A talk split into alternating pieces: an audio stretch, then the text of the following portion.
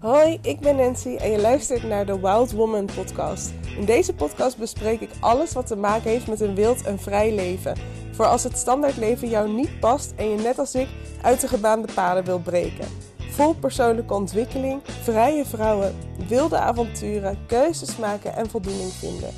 Je kunt mij kennen van een vrouwenfestival of workshop of natuurlijk van mijn Instagram, nancy.aurora Wild Woman, let's rise together.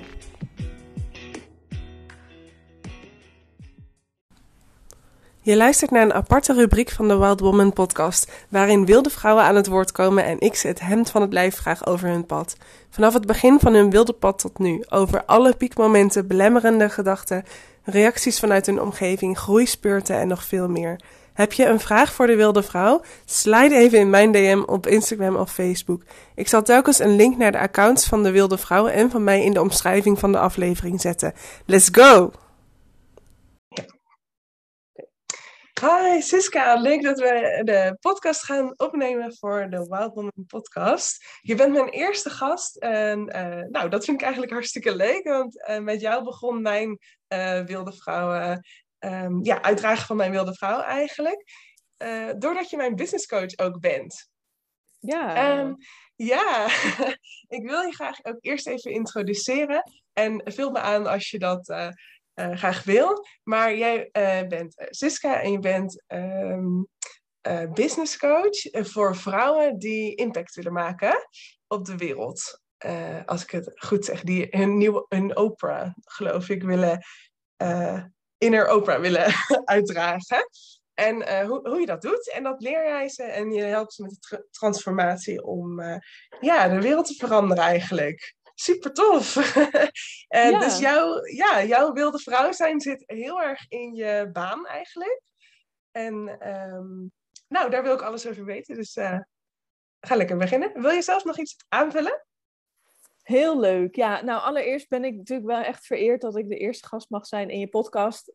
Nou ja, dat is natuurlijk hartstikke leuk. Maar eigenlijk ben ik vooral vereerd dat ik uh, um, nou ja, een beetje aan de bakermat heb mogen staan van jouw mooie wilde reis. En uh, ja, als je het inderdaad hebt, als je mij zo heel mooi introduceert over de inner Oprah uh, van mijn klanten aanwakkeren, dat, dat, ja, dat klopt inderdaad heel erg. Ik wil daar zit denk ik ook mijn wilde vrouwenstuk vooral in. Want verder leid ik een heel doorsnee leven met uh, man en kind in een, uh, in een leuk huis. Dus is dat niet heel erg van de gebaande paden af.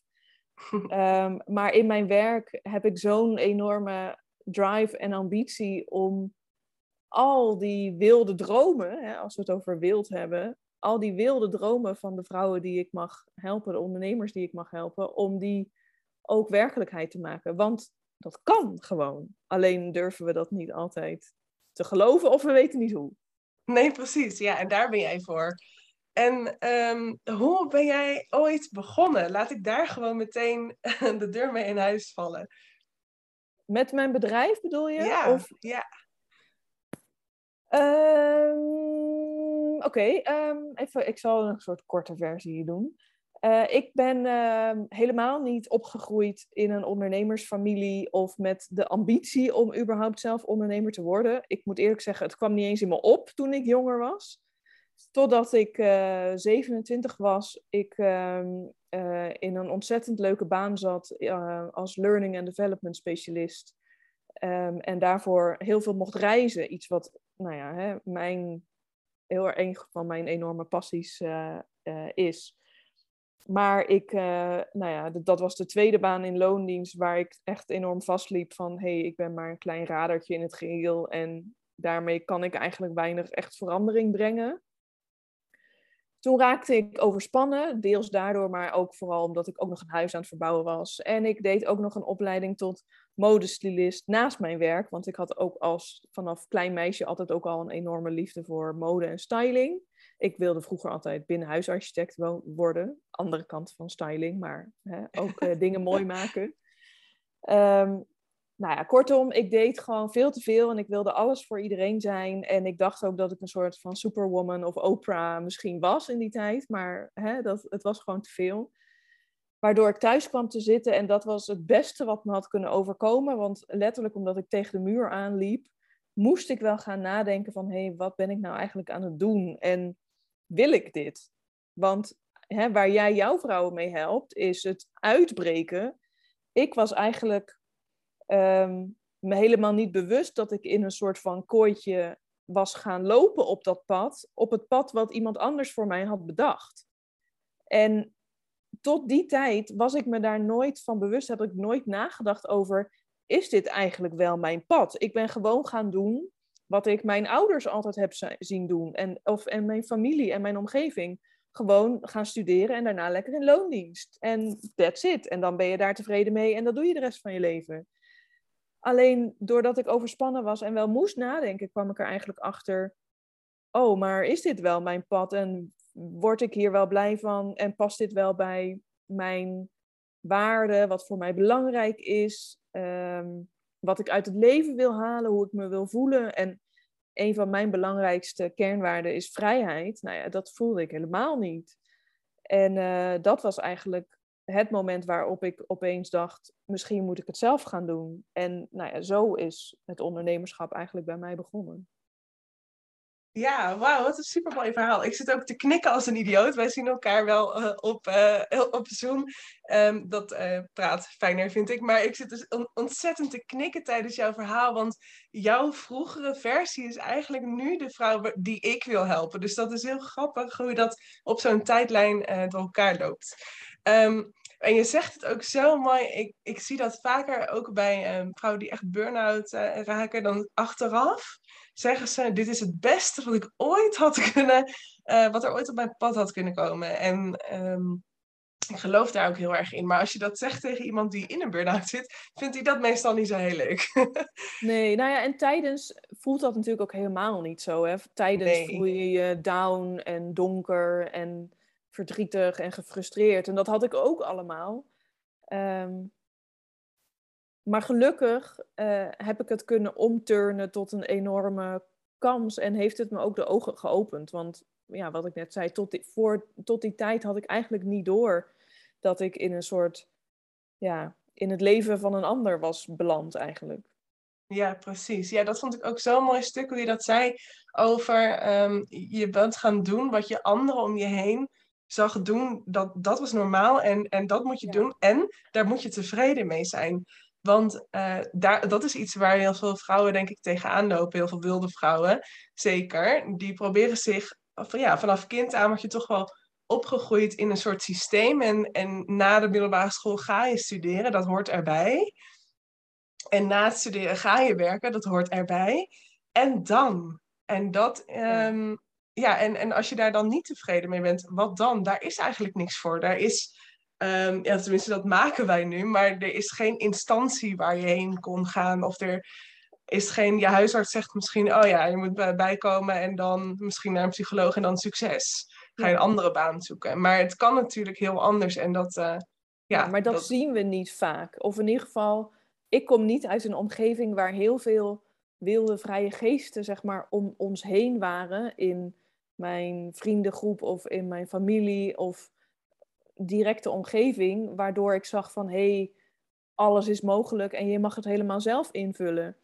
Ik kom echt uit een heel nou ja, gemiddeld doorsnee gezin. En wat ook echt heel logisch is, dat je met dat soort, met dat wereldbeeld wordt opgevoed. Want hè, je, als ouder wil je natuurlijk niks liever voor je kind dan gewoon veiligheid en stabiliteit. En dat hij het financieel goed heeft. En nou ja, dan is een baan in loondienst de meest voor de hand liggende weg. Alleen ja, is toch niet voor iedereen. Maar dat nee. is het niet. Nee, precies. En heb je dat gemerkt toen je uh, dus een andere keuze ging maken? Dat jouw omgeving daar dan ook uh, op ging reageren? Ja, ja, ja, ja, heel erg. Ja, mijn ouders die um, hebben vanaf het begin af aan me zeker gesteund. Um, maar ze vonden het ook wel een beetje spannend, zo van, oeh, wat gaat ze dan doen? En Um, waar is ze dan mee bezig en gaat dat lukken? Want ik weet nog dat mijn moeder bijvoorbeeld, ik denk dat ik toen wel, nou in ieder geval het eerste half jaar tot een jaar dat ik begonnen was, uh, stuurde ze mij vacatures door. En dan had ze bijvoorbeeld in de krant iets gezien of ergens op internet. En zei ze, oh ja, dat is een superleuke baan, dat is niet iets voor jou. En dan zei ik, mam, ik wil dat niet. Ik wil echt mijn bedrijf groot maken. En dan, oh, oh ja, nee, oké. dan vond ze dat prima. Alleen, Ja. ik denk dat ze in het begin nog een beetje het idee had dat dit een soort bevlieging was. En heel graag de, nou ja, de stabiliteit mij gunde hoe zij die zelf kent. Ja, precies. Ja, en, en ja, zo iemand die, die, die bedoelt dat natuurlijk heel erg helpend en lief. Ja, Maar ja. eh, voor jou in jouw proces is het niet altijd helpend. En dat moet je zelf dan ook nog heel erg bewaken, vind ik. Ja, Ehm, dat ehm, niet alle gesprekken daar ook over gaan met familie en zo. ja. dat nou, geef dat in ging het gelukkig niet. Maar ik weet nog wel dat ik echt heb moeten zeggen van... Mam, wil je dat niet meer doen? Want het helpt me echt niet. Ik, wil, ik ben iets aan het bouwen en dat kost misschien wat tijd. Misschien wat meer tijd dan dat je had gedacht. Of dat jij had gegund aan mij. Maar ik, dat, ik heb dit niet nodig. Ik, het, het helpt me niet als je me vacatures doorstuurt. Dus ik wil echt wat ik nu aan het doen ben. Dus wil je me op die manier helpen. En niet door me weer een ander pad op te sturen. Ja, dus ik heb het echt moeten zeggen. knap. En dat was best wel moeilijk, vond ik. Spannend, maar ze reageerde er echt super goed op. Ehm, en het leuke is dan, hè, nu jaren later, het gaat ontzettend goed. En in het begin, toen ik enorm groeide, ging je dat dan bijvoorbeeld ook delen, bewust, met me, bijvoorbeeld met mijn ouders. En dan merkte ik echt dat ze steeds meer dachten van, oh, oké. Oh, Ja. er zit toch wel iets in wat ze nu aan het doen is. Oh, oh ze heeft het toch wel goed voor elkaar. En steeds meer Ja. konden ze een soort van meekomen en begrijpen en ook trots zijn op wat ik aan het doen was. Maar in het begin, ja, moest ik daar niet voor vechten, maar moest ik het, wat jij zegt, wel een beetje bewaken. Ja, en misschien ook wat meer alleen doen. Dus dat je er dan ook niet zo ja, veel over kan, kan delen. Om... Anders krijg je weer die vacatures doorgestuurd. Of eh, ja. ja, dat snap ik wel. En dat herken ik ook wel. En dat is denk ik voor iedere ondernemer misschien wel zelf zo. Eh, en voor ieder eigenlijk succesverhaal, als je het, ik doe even aanhalingstekens, zeg maar succesverhaal. Ehm, dat begint altijd in een soort bagger. dus je zit ergens in en je komt er niet uit. En, en zo'n succesverhaal komt, denk ik, doordat je de moeilijke route kiest soms in plaats van eh, de easy way out. En Tegelijkertijd kan het ook eigen als- route. ja, je eigen route. Ja. Tegelijkertijd Ja. kan het ook heel passend voelen. Dus moeilijk vind ik ook inderdaad misschien niet het goede woord, maar ehm, ja, de easy way out was, was wel reageren op vacatures en dan eh, daarin verder gaan voor jou. Ja. ja, op korte termijn natuurlijk easy. Op maar op lange termijn, termijn had het, wa- was het een enorme worsteling geweest met Ja. nou ja, wat voor gevolgen dan ook. En ik denk dat hè, ook voor de andere vrouwen die jij begeleidt, die misschien hè, dat wild woman op een ander vlak hebben, of misschien ook wel heel erg in hun carrière. In het begin, wanneer je nog niet meteen de resultaten ziet, of nog niet meteen de realiteit hebt gecreëerd waar je van droomt, zul je toch wel. Ja, ik hou niet zo, heel erg woord van, eh, niet zo heel erg van het woord getest, maar toch denk ik ergens dat je wel heel erg wordt uitgedaagd, juist in het begin, Ja, op je, op je motivatie. ja. En, en echt op wil je dit echt? Want je gaat inderdaad meningen van anderen tegenkomen, maar ook overtuigingen bij jezelf die nog horen bij hè, je vorige versie van hoe zou je dat nou wel doen? Gaat het me wel lukken? Kan ik hier wel van leven straks? Vinden mensen me niet raar? Wat als mijn vriendschappen ehm, stuk lopen? Dat ga je op een vlak, op een manier tegenkomen. Dus in het begin ga je ergens weerstand wel voelen. En ik denk alleen als je echt blijft vasthouden aan wat je wil. En hè, dat je het op je eigen manier wil doen. En, en niet opgeven. Ja, dan kom je door die eerste wat lastigere fase heen. En nou ja, uiteindelijk kun je het zo mooi en zo gek maken als je wil. Ja, precies. Ik vond het heel mooi wat je zei eh van jouw vorige versie. Want dat is natuurlijk ook een stuk waar ik me echt mee bezig hou. Jouw identiteit, dus hoe je jezelf eh, ziet en hoe je jezelf, eh, overtuigd bent eigenlijk dat je bent. Dat is iets wat je kunt veranderen. En ik wist dat eerst niet. En ik denk ook heel veel mensen nog steeds ook niet. Ehm, maar daar ga je wel doorheen als je dus zo'n moeilijke periode meemaakt. Of als je een radicale andere keuze maakt. Dus als je bijvoorbeeld opeens in een camper gaat wonen, dan kom je echt veel challenges tegen. Want het is heel anders dan in een woonhuis wonen. Dus er is een andere versie van jou nodig. Hoe is dat voor jou geweest, die identiteitsverandering? Um, nou ja, het gaat natuurlijk wel geleidelijk. Hè? Dus het is niet van hè, op de ene of andere dag was ik opeens iemand anders of was ik wie ik nu ben. Dat is natuurlijk een proces. Ehm, en dat, ja, dat gaat wel echt met horten en stoten soms. Want op al die uitdagende momenten die, je, die ik meemaakte, hè, dat mijn moeder mijn vacatures ging sturen, maar ook dat ik eh, toen ik net was begonnen, toen was denk ik uh, net twee maanden bezig, toen ging ik iets organiseren. Nou, dat was nog niet zo'n heel groot succes als dat ik ervan had gehoopt, waardoor ik dacht van, hé, hey, oh, waarom loopt het niet meteen? Op al die momenten had ik de keus, oké, ga ik dan weer soort van, hè, wat jij zo net zei, de easy way out, ga ik dan maar het opgeven en weer een baan in loondienst zoeken? En eerlijk gezegd heb ik daar heus wel eens over nagedacht. Want ik ben ook maar mens en hè, dat proces ging echt met, met dalen en pieken. Um, maar op keer op keer kwam ik toch heel erg terug bij nee, maar ik wil echt dit op mijn manier kunnen doen. En keer op keer had ik dan toch weer een soort teleurstelling of hobbeltje te overkomen.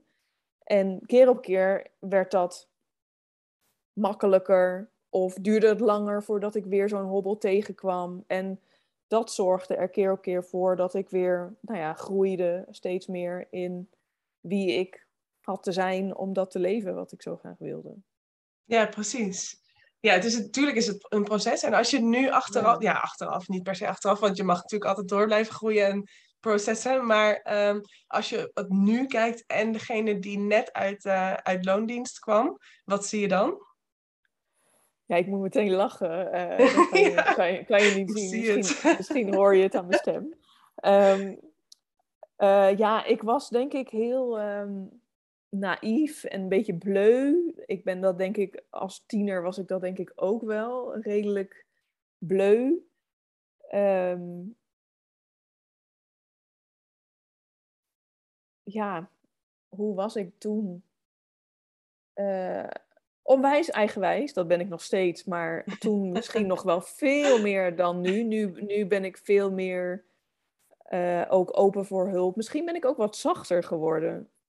Dat is misschien een gekke verandering, maar uh, want je zou ze misschien zeggen, oh, als je dan succesvol ondernemer bent, dan moet je heel hard zijn of heel doelgericht. Maar dat was ik, ik was altijd wel heel doelgericht. Ik denk dat ik ook iets zachter ben geworden. Dat ik veel meer mezelf ook aan heb toegestaan van, weet je, fouten maken mag. Um, je pad bewandelen is ook tien keer op je bek gaan, maar elf keer weer opstaan. Um, dus daarin ben ik denk ik um, flexibeler en zachter ook geworden. En toen ik begon was ik super naïef en dacht ik, oh, ik ga dit echt wel even fixen. En uh, ik heb een marketingopleiding gehad, dus ik kan dit wel. En ik ga het helemaal zelf doen. En wacht maar, ik zal het jullie wel eens even bewijzen. Nou ja, en toen kwam ik erachter van, oh, nou ja, ik heb wel marketingachtergrond, maar ik heb geen enkele kennis en ervaring over ondernemen. En dat heb ik toch wel echt nodig. En nou ja, voordat ik die les wilde accepteren, ging er bij mij best wel even overheen. Um, dus ik was in het begin denk ik heel naïef, maar ook heel ambitieus en heel doelgericht. En um, ja, volhardend ben ik nog steeds. Maar daarin misschien ook heel hard voor mezelf. Dat ik, het, ik moest het ook alleen doen, eh, want alleen dan had ik echt dit bewezen dat het kon of dat ik het kon. En nu denk ik echt, nou, doe niet zo verdomde eigenwijs. Ja. Want je maakt het jezelf alleen maar heel moeilijk. En nu maak ik het mezelf graag ook makkelijk door Voel je dan ook dat je nu niet meer echt iets te bewijzen hebt, zeg maar? Dus dat je vroeger echt iets wilde bewijzen doordat het moest lukken. En dat je nu denkt, nou, ik hoef niks te bewijzen. Ja, ja, dat denk ik.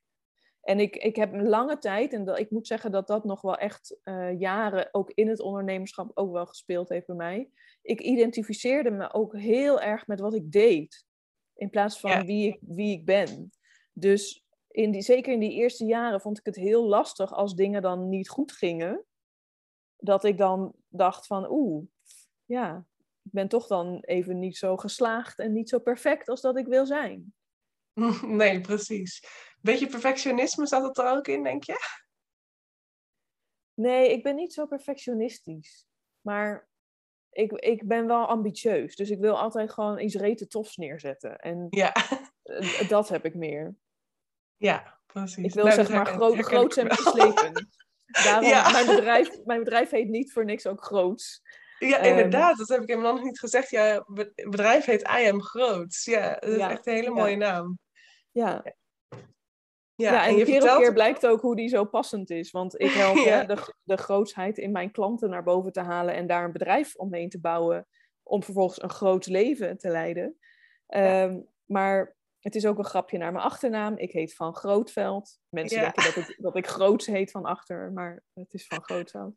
Ehm, en eh, ja, het is ook voor mijzelf. Ik wil ook echt iets groots neerzetten en een grootse transformatie met mijn klanten doormaken. Ik, ik, ik, ik vind, hè, eh, ja, ik, het klinkt super oneerbiedig, maar een beetje aanrommelen in de marge vind ik niet interessant. Dan, dan Nee, ben ik verveeld. Dan denk ik, ja, ja, dat laat Nou, daar ben je wel heel doen. wild in. Ja, precies. Daar, daar zie ik wel echt de wilde vrouw in jou. Want je zegt, ja, eigenlijk, eh, eh, hè, ik woon gewoon in een leuk huis met een kindje en een eh, man. En we hebben de keuken net verbouwd. En nou, dat is eigenlijk helemaal niet zo wild, maar. Nee, ik heb helemaal geen Ehm, wild leven. En als ik het goed heb gezegd, ben je ook introvert. ja, klopt. Ja, en eh, Ja. dus jij zegt ja, wild, wild. Maar hierin ben jij echt heel wild in je ambitie en in je, ehm, eh, ja, wat je, wat je teweeg wil brengen ook. Eh, je impact die je wil maken. Dat zie ik wel echt. Dus helemaal welkom Ja, in de ja. Wild Woman podcast. Oké, ik ben toch niet helemaal vreemde eend in jouw podcast. nee, zeker niet. Zeker niet. En ik denk ook dat het juist wel heel inspirerend is, omdat je ook zegt van ik kom gewoon uit een gewoon ehm, gezin zonder ondernemers. En eh, ik ben een introvert en toch eh, heb je een kick-ass business eh, ehm, zelf die je helemaal Ja. leidt. En, Misschien ja, is dat ook wel een mooie, mooie nuance. Want ik weet dat jij heel erg dat ook ziet. Als hè, wat is een wild woman nou precies? Maar als je het mij zou vragen voordat wij hier nu vandaag in gesprek zouden gaan van wat is een wild woman, dan zie ik veel meer echt zo'n hele mooie, vrije geest. Weet je wel, met van die super mooie jurken en die lekker ehm, in de camper inderdaad door de wereld, de wereld overtrekt, die niet een vaste verblijfplaats wil. eh, en die houdt van, eh, weet ik veel, eh, de shamanendrum en dat soort geweldige ja, nou dat kan. sessies Dat en kan zeker. rituelen. Ja. Maar het is natuurlijk op heel veel verschillende manieren in te vullen. Dus het is wel een mooie nuance dat het op heel veel verschillende manieren kan. Ja, dat denk ik ook. Ik denk ook, voor mij is een Wild Woman ook iemand die eh, zelf kiest. Dus dat je inderdaad niet dat gebaande pad waar ehm, ja, heel je omgeving, wat jij in het begin zei, eh, ja, heel mijn omgeving en mijn familie heeft gewoon een baan, dus ik ook. Ehm, dat je daar niet zonder na te denken mee akkoord gaat. Dus een wilde vrouw is iemand die voor zichzelf kiest. En eh, haar eigen keuzes maakt. En dat ehm, ja, ben je heel erg. Ehm, en ik hoorde ook de shamanendrum. Ja, ik hou er wel heel erg van. Ik ook Maar, hoor. ehm, ja, en Alleen ik, zie er niet zo uit als van die geweldige jurken. Ja, ja, ik trek hem jou ook wel eens een keer aan nog. ja. Maar ehm, jouw spiritualiteit komt er wel net iets anders uit dan, dan de mijne volgens mij. Maar die eh, heb jij ook heel erg in jouw bedrijf geïntegreerd. En dat is denk ik ook een heel stuk eh, Wild Woman om dat eh, te doen. En dat best wel... Ja, daar, misschien heb je daar ook wel vragen over gekregen of ehm, weerstand op gekregen of zo. Ehm, nou, ik had heel erg weerstand zelf om daarmee out in the open te zijn, te komen. Dus ik denk dat dat nu iets van eh, twee of drie jaar geleden is dat ik daar echt iets mee durfde te doen en daar iets over durfde te zeggen. Ehm, daarvoor vond ik het altijd super interessant en denk ik dat ik er onbewust wel mee bezig was, maar ik was heel erg bang wel voor oordelen. Van oh, dat je dan zweverig bent en eh, eh, niet concreet. Want als er iets is, ik ben ook heel concreet en praktisch. Dus dan dacht ik, ja, dat, dat, ja hoe, hoe moet ik dat dan rijmen? En straks haken heel veel mensen af. Ehm, of eh, straks, als ik bijvoorbeeld iets op Instagram erover deelde, dat is echt een van mijn favoriete kanalen voor, ook voor mijn business dacht ik, oh ja, mijn zus volgt mij ook. Straks vindt ze me dan heel raar. En denkt ze, nou, die zus is helemaal, helemaal gek geworden. Ehm, dus ik had daar vooral zelf heel erg een, een, een blokkade op om daarmee oud in die open te zijn. Ik heb niet echt heel erg ervaren dat mijn omgeving daar vragen over stelde of moeilijk over deed. Um, en ik moet ook wel zeggen dat ik gebruik het heel erg in mijn business en in mijn eigen leven. Maar het is niet zo dat ik ehm, met heel veel vriendinnen of met mijn familie daar heel erg over praat of mee bezig ben. Want zij hebben daar gewoon niet echt wat mee. Uh, sommige vriendinnen wel, sommige vriendinnen helemaal niet. En die dat niet hebben, ja, daar hebben we het gewoon niet over. En dat is ook oké. Want je hoeft niet alles met iedereen te delen of daar op dezelfde manier naar te kijken. Dus ik heb bijvoorbeeld een aantal vriendinnen is wel leuk, ik heb zo'n vriendinnengroepje van vroeger. En um, een, één vriendin en ik zijn heel erg spiritueel en helemaal daarvoor open en vinden dat super interessant. Maar er zijn ook twee anderen, die zijn allebei heel wetenschappelijk onderbouwd en opgeleid. Dus die kunnen er helemaal niks mee. Dus we staan in dat soort thema's altijd lijnrecht tegenover elkaar. Maar dat is oké, weet je. Dan hebben we gewoon, ja, we agree to disagree. Ja. Soms, heel soms hebben we het erover, maar eigenlijk weinig. En dat vind ik oké. Bijvoorbeeld mijn vriend heeft er helemaal niks mee. Als ik begin, als, ik begin over, uh, weet ik veel, dat ik een kaartje ga trekken of uh, uh, dat ik een kristal gebruik om, weet ik veel, als ik een meditatie doe. Nou, mediteren vindt hij inmiddels niet meer gek of zo, maar um, of over dingen manifesteren, dan denkt hij altijd, nou ja, het zal wel. Maar weet je, hij denkt dan, ja, dat is gewoon haar ding. En ik denk dan ook, ja, jij hoeft het er hier niet mee eens te zijn of hetzelfde te vinden. Als je mij daarin maar gewoon mijn ding laat doen, vind ik het prima. Ja, ja, precies. Ja, mooi. Ik vind het ook fijn om dat nog eventjes uh, ook in de podcast te bespreken. En dat uh, hoort ook heel erg bij mij, uh, spiritualiteit en ook inderdaad met de kaarten en de stenen en van alles. Um, en tof om te zien, ja, ik ging er ook heel erg op aan toen ik uh, jou tegenkwam. Dus dat, dat is het natuurlijk ook. Heb je dat wel gemerkt? Dat, dat uh, mensen daar echt op aangingen en dachten, oh, bij Siska moet ik zijn, want die begrijpt ook waar ik mee bezig ben? Ja, zeker. Maar dat zijn dan de juiste mensen die een goede match zijn met mij natuurlijk. Ja. Um, dus ik ben heel praktisch en concreet en hè, niet lullen, maar gewoon doen en proberen. Maar ook wel heel erg van het voelen en het intunen en het kijken van hé, hey, wat gebeurt er? Uh, wat zijn soort van de hints die ik ontvang terwijl ik mijn pad bewandel? Dus ik combineer dat heel erg. Maar ik heb nog steeds, ik heb uh, nou ja, een paar weken geleden gaf ik bijvoorbeeld een, uh, een masterclass voor een hele grote groep ondernemers. En daarin deed ik ook een meditatie. Gewoon een korte oefening, een korte visualisatie. Um, en dat doe ik dan ook bewust, omdat ik weet dat de mensen die dat heel tof vinden, die gaan haar hierop aan. En die weten, oh ja, Siska is niet alleen maar van de keiharde strategie en de uh, knallen en uh, doen. Maar ik heb nog steeds dat ook... Afgelopen keer was er bijvoorbeeld iemand die in de chat zei... Um, ja, ik vind het uh, heel leuk dit allemaal, maar wanneer ga je weer door met echt het concrete en zo? Want hier kan ik niet echt wat mee. En dan denk ik, nou ja, prima. Dan ben jij op dat vlak gewoon niet echt een goede match met mij. En dat is oké. Ja, precies. Ja. Um, over, even over hoe jij op jouw wilde pad kwam, zeg maar. En dan op je ondernemerspad in jouw geval. Um, wat vond je eng?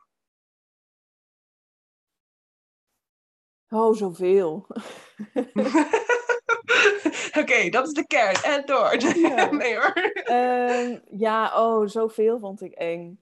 Um, ik vond, uh, oh, je moet maar eens op mijn Instagram profiel uh, kijken. Als je helemaal naar beneden scrolt. Ik vond het in het begin doodeng om mijn eigen gezicht te laten zien. En nu denk je echt, als je me nu volgt, denk je echt, nou, huh, hoezo? je kletst toch gele video's vol. Maar in het begin, oh, ik vond dat zo spannend om echt eh, gewoon een, een, foto van mezelf te posten, gewoon op mijn feed, vond ik super spannend de eerste tijd. Toen ik daar eenmaal een beetje aan gewend was en toen kwamen de Instagram stories, toen vond ik dat super spannend. En nou ja, zo ging ik langzaam uh, dat doen. Hoe dat kwam. Ja, wat ehm, vond je er spannend aan, zeg maar? Wat, wat maakte dat, dat je dacht, oh, dit daagt me uit? Ehm, het voelde echt letterlijk een beetje als uit de kast komen met alles waar ik echt in geloof en waar, wat echt heel persoonlijk en dichtbij mij staat. Want in mijn business, mijn business is een verlengstuk van mij. Dus het voelt ook heel naakt. Ehm, want alles waar ik in geloof, alles wat ik doe, is heel persoonlijk. En mensen kunnen daar dus iets van vinden. Dus ik was in het begin heel bang dat uh, mensen uit mijn zeg maar, omgeving of oude omgeving, of die ik al van daarvoor kende, dat die daar een mening over zouden hebben van, nou, wat ben je nou aan het doen? Of uh, wat een onzin wat je aan het verkondigen bent. Of uh, dat vrienden van vrienden bijvoorbeeld iets zouden zien en zouden denken echt van, nou, zij is echt een beetje gekke dingen aan het doen. ja. Dus de, ik was heel erg bang voor, voor de oordelen, de meningen van anderen. Ja. En vooral van mijn omgeving. Dus niet per se van vreemden op het internet, maar vooral van mensen die ik al kende. Ja, en, en hoe is dat uh, verder gaan? Is dat, nu is dat weg, neem ik aan, uit je verhaal eigenlijk. Hoe is dat gebeurd? Hoe dat is verdwenen? Ehm, toch wel door daar, om daar gewoon dwars doorheen te beuken. Klinkt een beetje lomp, maar om toch me te realiseren van wat houdt me tegen. En toen realiseerde ik me dus dat dat het voor mij was. En me af te vragen, oké, ga ik dan dus niet mijn leven leiden omdat ik bang ben dat misschien iemand, waarvan ik niet eens weet of het waar is, dat misschien iemand daar iets van vindt. Terwijl ik zeker weet dat mijn ouders, mijn lieve vriendinnen, ehm, nou ja, andere kennissen die nog steeds goed bij mij passen. Ik weet zeker dat die toch wel van mij houden, no matter what. Wat ik ook uitkraam, wat voor onzin ik ook verkondig. Dus ik wist van het, de echte vrienden en de echte belangrijke mensen, dat is onvoorwaardelijk. Dus waarom laat ik me tegenhouden door iets wat misschien gaat gebeuren van mensen die blijkbaar dus niet zo belangrijk zijn?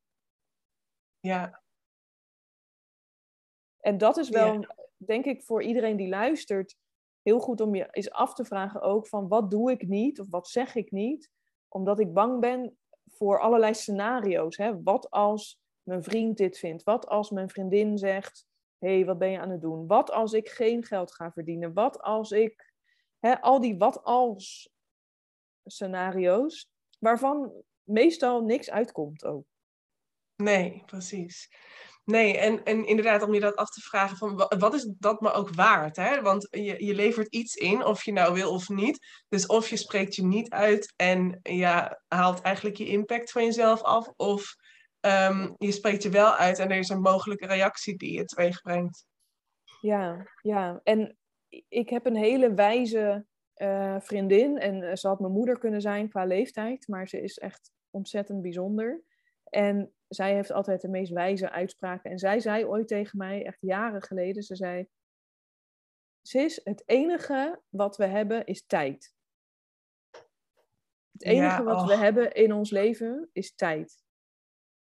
En toen dacht ik, ja, potverdorie, je hebt gelijk. En wat ga ik doen met die tijd? Ga ik dus nu, terwijl ik voel aan alles dat ik, hè, ik wil mijn eigen bedrijf, ik wil vrijheid, ik wil me kunnen uiten, ik wil mijn ziel en zaligheid hierin blootleggen. En ik wil dat andere vrouwen dat ook kunnen doen door mijn hulp. Ga ik dat dan doen? Of ga ik me bezighouden met al die stomme stemmetjes in mijn hoofd van, oh, wat als, wat als, wat als? Ja. Of de stemmen van echte mensen in mijn omgeving die zeggen, nou, wat ben je aan het doen? Ik volg het niet. Wat helemaal niet bleek te zijn hoor, want er was niemand die zoiets zei. Maar stel, nee, stel precies. dat. Dat zul je precies zien, inderdaad. Ja, want ehm, ik moet altijd wel lachen, want jij zegt altijd, je moet niet wollige taal gebruiken zoals, wat is je why? maar, ehm, wat is jouw why? Waarom doe je dit? En dan ga ik hem even uitleggen, want wat is jouw why is inderdaad een beetje, um, ja, wollig. Ehm, maar eh, eh, waarom doe je wat je doet? Waarom vind je het zo belangrijk ehm, dat jij eh, ja, ondernemers coacht om ehm, die impact te kunnen maken? Wat, wat drijft jou? Ja, nou en eigenlijk is dat precies dat. Het enige wat we hebben in dit leven is de tijd die ons gegeven is. En weet je, ik kan morgen onder een bus komen en dan is het klaar. Heb ik dan een leven gehad waar ik blij mee ben, waar ik gelukkig van werd, waarin ik ook maximaal heb kunnen geven, mijn liefde, mijn tijd, mijn energie, mijn talenten? Of heb ik een beetje, hè, wat ik in het begin vertelde, heb ik het pad van iemand anders bewandeld en denk ik, had ik maar. En dat is voor mij een enorme drijfveer. En ehm, ja, er zijn wel een, er is bijvoorbeeld wel iemand eh, eh, overleden op heel jonge leeftijd, een aantal jaar geleden. Ehm, het is niet zo dat door dat overlijden ik op dat moment dacht van, oh, ik wil dit doen. Maar het is wel iets waar ik regelmatig aan terugdenk. Hij was 27, die jongen. Dat ik wel denk, ja, dat kan mij ook gebeuren. En ja, ja weet je, ik, ik geloof heel sterk dat je wordt niet voor niks geboren. En hè, in al die spermacellen van jouw vader en van mijn vader ben ik, hè, was ik degene die geboren mocht worden, om het even zo plastisch te zeggen. Dus wat ga je ermee doen? Dat, ik geloof dat dat een reden heeft dat ik hier nu ben. Dat ik hier iets te doen heb. Hè? Ja, sowieso. Iets te leren en iets te doen. Ja, iets te doen hebben op aarde en de impact maken die je uh, ja, wil maken en moet maken eigenlijk bijna. Ja, dat is natuurlijk um, ja, wat wij allebei doen eigenlijk. Wat we heel erg allebei willen faciliteren. En um, daar matchen we denk ik ook heel erg op. Wat is het voor jou? Daar ben ik wel benieuwd naar. Voor mij, ja. ja. Nou, um, ja, een stukje de wereld veranderen, om heel eerlijk te zijn. Ja, waarom? Om, maar waarom? Omdat uh, ik denk dat de manier waarop we nu leven en werken en hoe de maatschappij is in, uh, ingesteld, dat het niet per se de um, beste manier is. En dat we eigenlijk zelf veel meer power hebben om daar iets aan te doen. Je hoeft niet in die startersbaan te gaan. Je hoeft niet uh, studie te doen die je niet leuk vindt. Je hoeft niet um, te streven naar een promotie ten koste van alles. Dat is niet, er is geen handboek voor het leven. Er is niet een één manier die goed is voor iedereen. Ik zeg altijd, er is geen one size fits all leven. En um, ik wil mensen helpen. We doen een beetje alsof dat wel zo is. En daar ben ik het dus super mee oneens. En daar help ik mensen graag uit.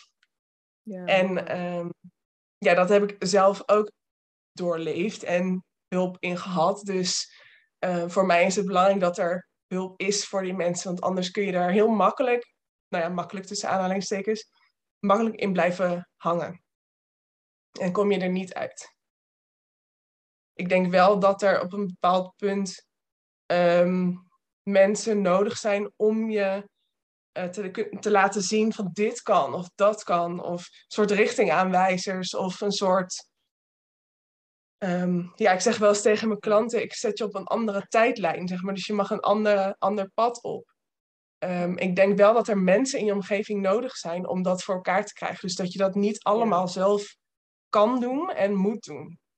Nou, daarom is jouw podcast en wat jij doet überhaupt, maar ook jouw podcast denk ik zo belangrijk dat die er is. Omdat jij, nou ja, doordat ik nu te gast mag zijn, maar ik weet zeker dat er nog andere hele gave vrouwen en mannen komen, te gast gaan zijn. Daarom is het zo belangrijk om ook ander perspectief te laten zien en te laten horen. Van er zijn ook andere wegen die heel succesvol kunnen zijn. Ja, Want we hebben niet altijd een voorbeeld. Zoals ik geen voorbeeld had in mijn omgeving van wat ik nu doe hebben natuurlijk heel veel mensen die nu vastzitten ook niet een voorbeeld van hoe het ook kan. Nee, precies. En succesvol kun je natuurlijk ook helemaal zelf inrichten. Dus het gaat mij vooral heel erg om dat je kiest uh, wat bij jou past. Nou heb ik nog één laatste vraag voor jou voordat we hem afronden. En die gaat niet over hoe alles is geweest, maar juist over de toekomst. Dus wat zijn grote wilde dromen? um, ik zou wel uh, een tijdje in het buitenland willen wonen met mijn uh, gezin. Zeg, moet ik tegenwoordig zeggen? Ik ben nog niet zo heel lang moeder, dus dat klinkt nog steeds zo volwassen. Um, dat lijkt me echt heel gaaf.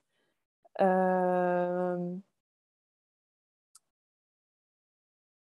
ergens kriebelt ook nog steeds, en dat kriebelt al wel een tijdje, maar elke keer is het toch nog niet helemaal het moment om een beetje à la Oprah, hè, wat ik met mijn klanten wil uh, bevrijden, om iets van een podium of een gesprekken, interviews, talkshow-achtig iets te doen met hele interessante mensen. Dat lijkt me echt fantastisch. Um,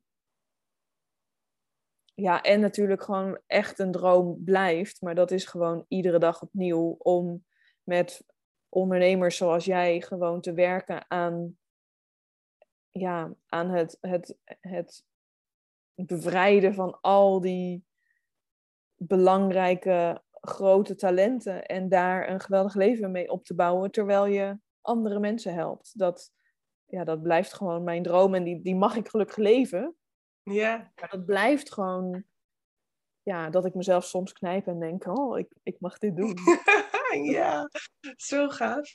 En ja. ik, soms denk ik ook, nou, een droom van mij is ook dat ik groot mag blijven dromen.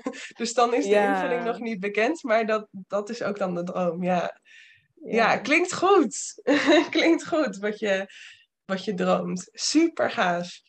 Hey Siska, ik wil je super bedanken voor deze allereerste interviewaflevering van uh, de Wild Moment podcast. Jij bent de wilde vrouw nummer 1. Yay!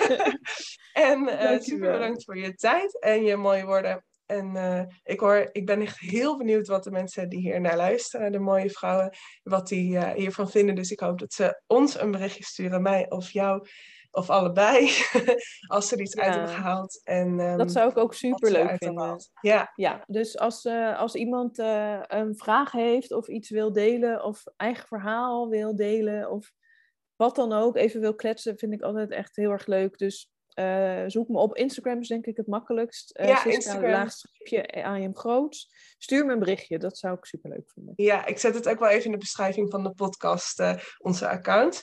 En ik ben natuurlijk Nancy van Nancy Aurora en Rising Phoenix Coaching. En ik sluit hem hierbij af. Heel fijn, dankjewel. En ik vond het een super fijn en inspirerend gesprek. En ik hoop jij ook. Laat het even weten. Deel hem of Um, vertel anderen hierover, want dat zou super fijn zijn. Uh, om nog meer impact te maken. Goed. Fijne dag en tot de volgende. Doei!